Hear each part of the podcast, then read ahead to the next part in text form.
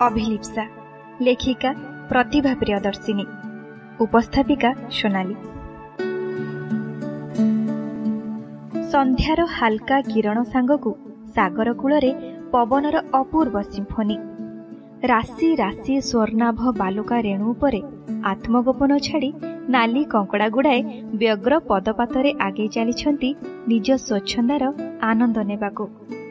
ତୁରନ୍ତ ଦିଗ୍ବଳୟ ଯେଉଁଠି ସାଗର ବୁକୁରେ ମୁହଁ ଗୁଞ୍ଜି ଶାନ୍ତିରେ ନିଶ୍ୱାସ ନେଉଛି ଆକାଶ। ଉଭୟଙ୍କ ନୀଳିମାର ଏକୀକୃତ କାନଭାସରେ ଝଲସି ଉଠୁଛି ନୀଳ ବାହୁଡ଼ା ପକ୍ଷୀଙ୍କ ରଙ୍ଗୀନ ଡିଣା ଯେତେ। ଉଦ୍ବେଳିତ ମନ ଓ ବିକ୍ଷିପ୍ତ ଚିନ୍ତନରୁ ସମ୍ବିତ ଫେରି ପାଇଥିଲା ଲିପ୍ସା।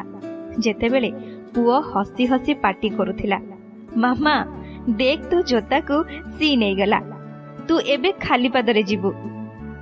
ସତେ ତ ସେ ଏତେ ଅନ୍ୟମନସ୍କ ଥିଲା ଯେ କେତେବେଳେ ନୂଆ ଜୋତା ହଳକ ସମୁଦ୍ର ସମାଧି ପାଇଲା ସେ କଥା ଜାଣିପାରିଲାନି। ପୁଅ ସାଙ୍ଗେ ଖେଳୁଥିଲେ ବି ଅଭି ଏସବୁ ଲକ୍ଷ୍ୟ କରିଥିଲେ। ସେତେବେଳେ କିଛି କହିଲେନି। ରାତିରେ ପୁଅ ଶୋଇଯିବା ପରେ ଯେବେ ଅବଶ ଦେହ ମନକୁ ସେଜରେ ଢାଳି ଦେବାକୁ ଲିପ୍ସା ଉପକ୍ରମ କରୁଥିଲା ସେହି ସମୟକୁ କଥା ହେବା ପାଇଁ ଉଚିତ ମନେ କଲେ ଅଭି। ଲିପ୍ସାକୁ ଅନୁରୋଧ କଲେ କିଛି ସମୟ କଥା ହେବା ପାଇଁ। ସେ ମଧ୍ୟ ବାଧ୍ୟ ଶିଶୁଟି ଭଳି ତାଙ୍କ ପାଖରେ ବସିଗଲା। ତା ହାତ ପାପୁଲିକୁ ମୁଠେଇ ଧରି କଥାରେ ସ୍ନେହ ସ୍ପର୍ଶ ଦେଇ ଅଭି ପଚାରିଲେ ଏତେ ଅନ୍ୟମନସ୍କ କାହିଁକି ତୁମେ? ଲିପ୍ସା କ'ଣ ଉତ୍ତର ଦେବ ଚିନ୍ତା କରିବା ଆଗରୁ? ସେ ପୁଣି କହିଲେ ତୁମେ ଲିପ୍ସାର ଆସିବା କଥାକୁ ନେଇ ଏତେ ଶଙ୍କିତ ବିବ୍ରତ ଓ ଚିନ୍ତିତ କାହିଁକି? ସେ ଏକଦା ତୁମର ରୁମ୍ମେଟ୍ ପ୍ରିୟ ବାନ୍ଧବୀ। ବାନ୍ଧବୀ ତ ନୁହେଁ ସହଦର ଭଉଣୀ ସମାନ ଥିଲା। ତାକୁ ନେଇ ଏତେ ଦ୍ୱନ୍ଦ୍ୱ? ଲିପ୍ସା ହଠାତ୍ ଚକିତ ହେଲା। ବିନା କୌଣସି ଗୌର ଚନ୍ଦ୍ରିକାରେ ଅଭିଙ୍କ ସଳଖ ପ୍ରଶ୍ନଯାକ ଶୁଣି। ଅତର୍କିତ ଧରା ପଡ଼ି ଯାଇଥିବା ଅପରାଧୀଟି ଭଳି ଲିପ୍ସାର ପାପୁଲି ଝାଳରେ ଭିଜିଗଲା। ଅବନତ ମୁହଁକୁ ତାର ତୋଳି ଧରି ଅଭୟ ଦେବା ଭଳି ଦୃଢ଼ କଣ୍ଠରେ ଅଭି କହିଲେ ତୁମେ ଯେଉଁ କଥାଟି ପାଇଁ ଚିନ୍ତିତ ସେ ସତ୍ୟ ସହିତ ମୁଁ ଆମ ପ୍ରଥମ ସାକ୍ଷାତ ଦିନରୁ ଅବଗତ। ସେ ସତ୍ୟ ମୋଠାରୁ ଲୁଚେଇ ରଖିଛ ବୋଲି ନିଜ ଭିତରେ ଏ ଯାଏଁ ଆତ୍ମଯୁଦ୍ଧ ଚଳେଇଛ? ଏବେ ପୁଣି ଲିପ୍ସା ଆସିବା କଥା ଜାଣି ଅପରାଧ ବୋଧରେ ନିଜକୁ ଭାରାକ୍ରାନ୍ତ କରି ପକାଉଛ ମୁଁ ସବୁ ଜାଣେ ବରଂ ତୁମେ ବହୁତ କିଛି ଜାଣିନାହଁ। ଏତିକି ଶୁଣିବା ପରେ ବନ୍ଧ ଭାଙ୍ଗି ଲିପ୍ସା ଆଖିରୁ ଉଜାଣି ବହିଲେ ଅଶ୍ରୁର ଗଙ୍ଗା ଯମୁନା। କୋଳେଇ ନେଲେ ଅଭି ତାଙ୍କ ପ୍ରଶସ୍ତ ବକ୍ଷରେ ମୁହଁ ଗୁଞ୍ଜି ମନ ହାଲକା ହେବା ଯାଏଁ କାନ୍ଦିଲା ଲିପ୍ସା। ଅଭି ପୁଣି ଆରମ୍ଭ କଲେ ତୁମେ ଆଜି ସବୁ ସତ୍ୟ ଶୁଣିନିଅ ତାପରେ ତୁମ ନିଷ୍ପତ୍ତି ଯାହା ହେବ ମୁଁ ନିଃସର୍ତ୍ତ ମାଗିନେବି। ଆଜିଠୁ ଦୀର୍ଘ ଏଗାର ବର୍ଷ ତଳେ ଯେବେ ମୁଁ ବୈଜ୍ଞାନିକ ଅଭିଜିତ ସାମନ୍ତ ନଥିଲି ଥିଲି ଯୁବ ଲେଖକ ଅଭି। ଡିଆର୍ଡିଓର ପ୍ରୟୋଗଶାଳା ନୁହେଁ ବରଂ ବାଣୀବିହାର ପଦାର୍ଥ ବିଜ୍ଞାନ ବିଭାଗରେ ଦିନ ବିତୁଥିଲା। ପାଠପଢ଼ା ଭିତରେ କାହାଣୀ ଲେଖିବାର ସଉକ ଏବଂ ପ୍ରମୁଖ ଏକ ଗଳ୍ପ ପତ୍ରିକା ଯିଏ ନୂଆ ଲେଖକଙ୍କୁ ପ୍ରୋତ୍ସାହନ ଦେଉଥିଲା। ସେଥିରେ ପ୍ରକାଶନ ପରେ ଖୁବ୍ ଗୋଟାଏ ଗାଳ୍ପିକର ପରିଚୟ ପାଇଥିଲି। ମୋ କାହାଣୀର ନାୟିକା ଭିତରେ ନିଜକୁ ଖୋଜି ପାଉଥିଲେ ଅନେକ ତରୁଣୀ। ପ୍ରତିଦିନ ଗଦା ଗଦା ଶୁଭେଚ୍ଛା ଚିଠି ମିଳେ। କେଉଁଠି ପ୍ରଶଂସାର ପାହାଡ଼? ପୁଣି କେଉଁଥିରେ ବାସ୍ନା ମହମହ ଗୋଲାପୀ ପ୍ରେମ ନିବେଦନ। ସେସବୁ ଚିଠି ଭିତରେ କିନ୍ତୁ ମୁଁ ଖୋଜେ ଗୋଟିଏ ଠିକଣା। ରୁମ୍ ନମ୍ବର ଆଠ ରେଭେନ୍ସା ଛାତ୍ରୀ ନିବାସ। ଗୋଲ ଗୋଲ ସୁନ୍ଦର ହସ୍ତାକ୍ଷରରେ ଖୁବ୍ ସାର୍ଥକ ସମାଲୋଚନା ଉଭୟ ସକାରାତ୍ମକ ଓ ନକାରାତ୍ମକ ଲେଖି ପଠାଏ ଜଣେ ପ୍ଲସ୍ ଟୁ ଛାତ୍ରୀ ଲିପ୍ସା। ଖୁବ୍ କମ୍ ପାଠକଙ୍କ ଚିଠିର ଉତ୍ତର ଦିଏ ମୁଁ। ସେ ଥିଲା ଜଣେ ଏମିତି ପାଠକ ଯାହାକୁ ମୁଁ ପ୍ରତି ଥର ଚିଠିର ଉତ୍ତର ଲେଖେ। ଚିଠି ଲେଖା ଭିତରେ ଭଲ ପରିଚୟ ହୋଇଯାଇଥିଲା ଆମର। ସେ ସହଜ ହେଇଯିବା ପରେ ପ୍ରାୟତଃ ତା ରୁମ୍ମେଟ୍ ଅନ୍ୟ ଜଣେ ଲିପ୍ସା ବିଷୟରେ କହେ।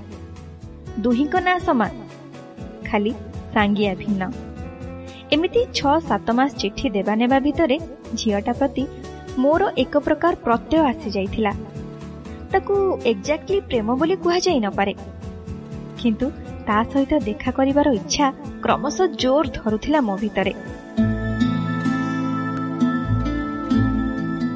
ଥରେ ସାହସ କରି ଚିଠି ଲେଖିଲି। ଜାନୁଆରୀ ଦଶ ତାରିଖ ଶନିବାର। ସେଦିନ ଶାମ୍ବ ଦଶମୀ ଛୁଟି ଦିନ ଥିଲା। ତେଣୁ ସକାଳ ଏଗାରଟା ବେଳେ ରେଭେନ୍ସା କଲେଜର ମୁକ୍ତାକାଶ ମଞ୍ଚ ନିକଟରେ ଭେଟିବାକୁ କହିଲି। ମୁଁ ତାକୁ ପଚାରି ନଥିଲି ବରଂ ରୀତିମତ ଆଦେଶ ଦେଇଥିଲି। ଚିଠି ପାଇବା ପରେ ହଷ୍ଟେଲରେ କ'ଣ ହେଲା ସେ କଥା ତୁମେ କୁହ ଲିପ୍ସା। ସେତେବେଳକୁ ଲିପ୍ସା କାନ୍ଦିବା ବନ୍ଦ କରି ଶାନ୍ତ ହୋଇ ଶୁଣୁଥିଲା ସବୁ। ମୁଣ୍ଡ ସଳଖି ଅଭିଙ୍କ ସ୍ମିତ ହାସ୍ୟ ଦେଖି ସହଜ ହେଲା ପରେ କହିଲା ଲିପି ଓ ମୋ ନାଁ ଏକା ଥିଲା। ତା ନାଁ ଲିପ୍ସା ମିଶ୍ର ଓ ମୋ ନାଁ ଲିପ୍ସା ଦାସ। ତେଣୁ ସମସ୍ତେ ତାକୁ ଲିପି ଓ ମତେ ଲିପୁ ବୋଲି ଚିହ୍ନୁଥିଲେ। ଯେହେତୁ ଆମେ ଦୁହେଁ ପରସ୍ପରକୁ ଏଇ ନାଁରେ ଡାକୁଥିଲୁ। ସାଙ୍ଗ ନୁହେଁ ବରଂ ଦୁଇ ଭଉଣୀ ଭଳି ଥିଲା ଆମ ସମ୍ପର୍କ। ତୁମ ଚିଠି ଆସିଲେ ଆମେ ଦି ଜଣ ମିଶିକି ପଢୁ। ମୋର ଗଳ୍ପ ପଢିବାରେ ଆଗ୍ରହ ନଥାଏ କି ସେ ଚିଠିରେ ତୁମକୁ କ'ଣ ଲେଖେ ମୁଁ ସେଥିରେ ବି ଧ୍ୟାନ ଦିଏନି। ହେଲେ ସେ ବୟସରେ ଜଣେ ତରୁଣ ରୋମାଣ୍ଟିକ ଲେଖକଠାରୁ ଆସିଥିବା ଚିଠି ପଢ଼ିବାରେ କେମିତି ଗୋଟେ ରୋମାଞ୍ଚ ଥିଲା। କହିବାକୁ ଗଲେ ଲିପି ତୁମର ଏମିତି ଗୋଟେ ଇମେଜ ତିଆରି କରିଥିଲା ଯେ ଯେକୌଣସି ଝିଅ ସହଜରେ ଠଳିଯିବ ତୁମେ ଯେବେ ଦେଖା କରିବା ପାଇଁ କହିଲ ସେ ବଡ଼ ଚିନ୍ତାରେ ପଡ଼ିଯାଇଥିଲା। ଖୁବ୍ ସରଳ ଝିଅଟି ସେ। ପ୍ରଥମ କରି ଜଣେ ଅଜଣା ପୁଅକୁ ଏକୁଟିଆ ଦେଖା କରିବାକୁ ଅସମ୍ଭବ ଡରୁଥିଲା। ଦୁହେଁ ମିଶି ଠିକ୍ କଲୁ। ପ୍ରଥମେ ମୁଁ ଯାଇ ପରଖି ନେବି। ତୁମେ କେମିତି ମଣିଷଟିଏ? ତାପରେ ସେ ଚିଠିରେ ସତ କଥା ଜଣାଇ କ୍ଷମା ମାଗି ନେବ ସେଦିନ ସେଥିପାଇଁ ତା ବଦଳରେ ମୁଁ ଯାଇଥିଲି ତୁମକୁ ଦେଖା କରିବାକୁ। ସେଦିନର ସାକ୍ଷାତ ପରେ ମୁଁ ତୁମ ପ୍ରତି ଅସମ୍ଭବ ଆକୃଷ୍ଟ ହୋଇପଡ଼ିଥିଲି। ଏବଂ ତୁମ ଚିଠିରୁ ଜାଣିଲି ତୁମେ ମଧ୍ୟ ମୋତେ ପସନ୍ଦ କରୁଥିଲ। ଲିପି କଟକ ଚଣ୍ଡୀଙ୍କ ରାଣ ଖାଇକି କହିଥିଲା ଯେ କେବଳ ତା ମୋ ବ୍ୟତୀତ ତୃତୀୟ କେହି ଜାଣିବେନି ଯେ ତୁମକୁ ଚିଠି ଲେଖୁଥିବା ଲିପ୍ସା ଓ ତୁମେ ଦେଖିଥିବା ଲିପ୍ସା ଦୁଇ ଜଣ ଭିନ୍ନ ମଣିଷ ବୋଲି। ହେଲେ ଏତେ ବର୍ଷ ପରେ ଆତ୍ମପ୍ରକାଶ କରି ଲିପି ପୁଣି ଥରେ ମୋତେ ସଂଶୟ ଗହରକୁ ଠେଲି ଦେଇଛି। ଏତିକି କହି ସେ ପୁଣି ଥରେ ଅଭିଙ୍କ ଉପରକୁ ଆଉଜି ପଡ଼ିଲା। ତା ଅଲରା କେଶକୁ ଆଙ୍ଗୁଳିରେ କେରି କେରି ଭାଙ୍ଗ କରୁ କରୁ ଅଭି ଦୀର୍ଘ ଶ୍ୱାସଟିଏ ନେଇ କହିଲେ ତୁମେ ଜାଣିନ ଲିପ୍ସା ତୁମ ଲିପିର କାୟା ସିନା ଛୋଟ ମନଟା ତାର ବେଶ ବଡ଼।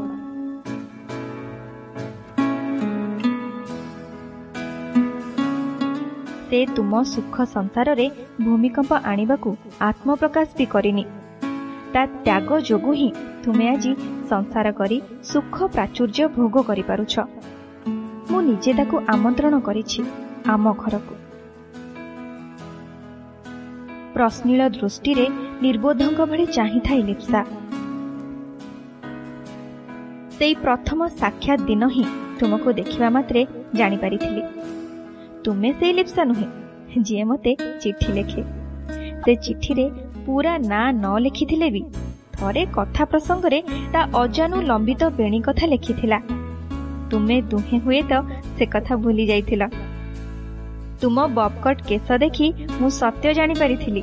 ହେଲେ ସାମ୍ନାରେ ତୁମ ଭଳି ରୂପସୀକୁ ଦେଖି ମନେ ମନେ କୁରୁଳି ଉଠୁଥିଲି ଲଟେରୀ ଜିତିବା ଭଳି।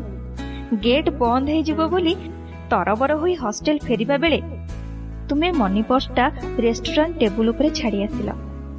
ମୁଁ ସେଥିରୁ ଚୋରି କରିଥିଲି ତୁମ ଝାଳମଖା ରୁମାଲଟିକୁ। ପ୍ରଥମ ସାକ୍ଷାତର ସନ୍ତକ ଭାବେ। ହଷ୍ଟେଲ ଯାଏଁ ଆସିଲି ପର୍ସଟା ଫେରାଇ ଦେବାକୁ। ମୁଁ ଜଗୁଆଳକୁ ଡାକି ପର୍ସ ଫେରାଇବା ଲାଗି ଦେଲାବେଳେ ଦେଖିଲି ତନୁ ପାତଳି ଅଳ୍ପ ଉଚ୍ଚତାର ଝିଅଟେ ତାକୁ ଅନୁନୟ କରୁଥିଲା ମୁଣ୍ଡବିନ୍ଧା ନିବାରଣ ଔଷଧ ଆଣିଦେବାକୁ। ଖଣ୍ଡେ ଛୋଟ କାଗଜରେ ଔଷଧ ନାଁ ଆଉ ନିଜ ନାଁ। ରୁମ୍ ନମ୍ବର ଲେଖି ଦରୁଆନକୁ ବଢାଇଲା ସେ। ଦୁର୍ଯୋଗ ଯେ କାଗଜ ଖଣ୍ଡକ ଉଡ଼ି ଆସି ମୋ ପାଖରେ ପଡ଼ିଲା। ସେ ଖଣ୍ଡିକ ଉଠାଇ ଝାଡ଼ି ଦେଉ ଦେଉ ଦେଖିଲି। ସେଥିରେ ସେହି ପରିଚିତ ହସ୍ତାକ୍ଷର ଓ ପରିଚିତ ଠିକଣା। ଲିପ୍ସା ରୁମ୍ ନମ୍ବର ଆଠ। ମୋର ବୁଝିବା ବାକି ରହିଲାନି ଯେ ସେ ଥିଲା ମୋର କ୍ରିଟିକ୍ ଲିପ୍ସା। ତୁମ ଲିପି। ସେଦିନ ପରେ ଆଉ ସେ ଚିଠି ଲେଖିନି। ଚିଠି ତୁମେ ନିଜେ ଲେଖୁଥିଲ। ମୋ ଗଳ୍ପର ସମାଲୋଚନା ବଦଳରେ ତୁମ ମନ କଥା ଖଟା ମିଠା ପ୍ରେମ କଥାରେ ମହ ମହ ବାସୁଥିଲା ତୁମ ଚିଠିର ଫର୍ଦ୍ଦ ସବୁ। ତାପରେ ଆମର ପାଞ୍ଚ ବର୍ଷର ସମ୍ପର୍କ ଆଉ ବାହାଘର। ଆମ ପ୍ରଥମ ସନ୍ତାନ ନଷ୍ଟ ହେବା ବେଳେ ଡାକ୍ତର ଯେବେ କହିଥିଲେ ତୁମ ଜରାୟୁର କ୍ଷୁଦ୍ରତା ଗର୍ଭଧାରଣ ଲାଗି ଅନୁପଯୁକ୍ତ। ତୁମେ ଏକବାର ଭାଙ୍ଗି ପଡ଼ିଥିଲ। ତୁମକୁ ଧୈର୍ଯ୍ୟ ଦେଉଥିଲେ ବି ମୋ ମନ ଏକାନ୍ତରେ ବିଳାପ କରୁଥିଲା ସନ୍ତାନ ଲୋଭରେ। ସେତେବେଳେ ଲିପି ହିଁ ଦେବଦୂତ ଭଳି ପୁଣି ଥରେ ଆସିଥିଲା ଆମ ଜୀବନରେ। ସେ ଡାକ୍ତରଙ୍କ ଦୂର ସମ୍ପର୍କୀୟ। ଆମକୁ ସରଗୋଷୀ ପାଇଁ ରାଜି କରେଇଥିଲେ ଡାକ୍ତର।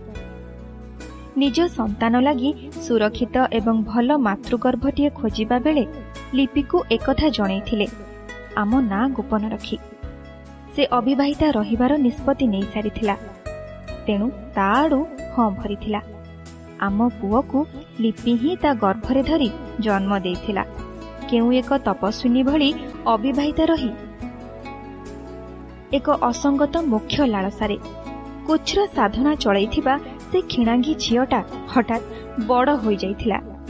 ଅନ୍ୟ ଜଣେ ପରିଚିତା ନାରୀ ଜୀବନରେ ପୂର୍ଣ୍ଣତା ଭରିଦେବାକୁ। ଏତେ ବଡ଼ ତ୍ୟାଗ କରିବା କିଛି କମ୍ କଥା ନୁହେଁ। ମୁଁ ବି ତାର ଏ ଉପକାର କଥା ଜାଣିପାରିନଥାନ୍ତି ସେ ଡାକ୍ତରଙ୍କଠାରୁ ସତ୍ୟ କରେଇ ନେଇଥିଲା। ତା ନାଁ ଚିର ଗୋପନ ରଖିବାକୁ। ଜାଣିଛ ସେ ଆଜି ମୃତ୍ୟୁର ଖୁବ୍ ପାଖାପାଖି। ତାକୁ ସର୍ଭାଇକାଲ କ୍ୟାନ୍ସର ବୋଲି ଏଇ ନିକଟରେ ଜଣାପଡ଼ିଲା। ଭଲ ହେବାର ସମ୍ଭାବ୍ୟ ସମୟ ଅତିକ୍ରାନ୍ତ ହୋଇସାରିଛି।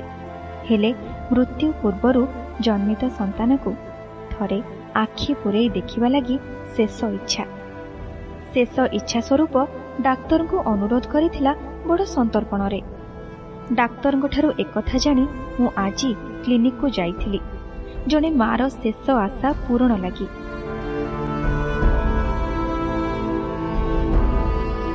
ଜଣେ ମାର ଶେଷ ଆଶା ପୂରଣ ଲାଗି। ଦିନ ସ୍ଥାନ ଓ ସମୟ ସ୍ଥିର କରିବାକୁ। ସୁଯୋଗ କୁହ ବା ଦୁର୍ଯୋଗ। ସେଠି ଦେଖା ହେଲା ଲିପ୍ସା ମିଶ୍ର। ମୋ ଦିଗ୍ଦଗ୍ଧ ମୋ ବିଦଗ୍ଧ ପାଠିକା ସଚୋଟ କ୍ରିଟିକ୍ ତୁମ ମୋ ସମ୍ପର୍କର ସୂତ୍ରଧର ଓ ଆମ ସନ୍ତାନର ଜନ୍ମଦାତ୍ରୀ। ଡାକ୍ତର ହିଁ ସବୁ ସତ୍ୟ ପ୍ରକାଶ କଲେ। ଏକ ପ୍ରକାର ଭଲ ହେଲା। ଅନ୍ତିମ ସମୟରେ ତାକୁ ସତ୍ୟ ନ ଜଣାଇବା ମସ୍ତ ବଡ଼ ଅପରାଧ ହୋଇଥାନ୍ତା। ନୁହେଁ କି?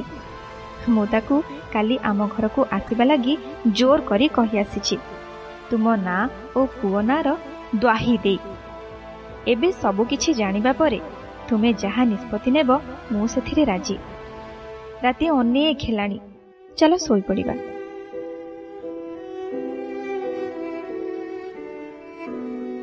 ପରଦିନ ସକାଳ ନୂଆ ଏକ ସୂର୍ଯ୍ୟୋଦୟ ନେଇ ଆସିଥିଲା। ଲିପ୍ସା ସକାଳୁ ଘରକୁ ଭଲ କରି ସଜାଡ଼ି ନେଲା। ଲିପିକୁ ସାଙ୍ଗରେ ଧରି ପହଞ୍ଚିଲେ ଅଭି।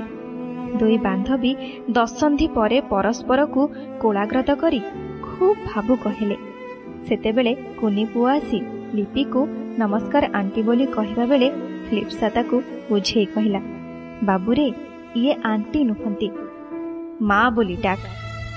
ମୁଁ ତ ମାମା ଆଉ ଇଏ ତୋ ମା ଏତିକି ଶୁଣି ଲିପ୍ସା ଅଭି ଲିପ୍ସାଙ୍କ ଆଖି ସଜଳ ହୋଇ ଉଠୁଥିଲା। ଆଉ ଟିକି ପିଲାଟି ଦୁଇ ମାଙ୍କ କୋଳ ମଣ୍ଡନ କରି ଏ ସବୁ ଦେଖୁଥିଲା। ନିଷ୍ପାପ ନିର୍ବୋଧ ଦୃଷ୍ଟିରେ ନିଷ୍ପାପ ନିର୍ବୋଧ ଦୃଷ୍ଟିରେ। ହେଲେ ବୁଝିପାରୁନଥିଲା ଏ ମଧୁର ମମତା ବନ୍ଧନର ଇତିବୃତ୍ତି। ଅଭି ଲିପ୍ସା ମୁଁ ନିଃସର୍ତ୍ତ ମାନି ନେବି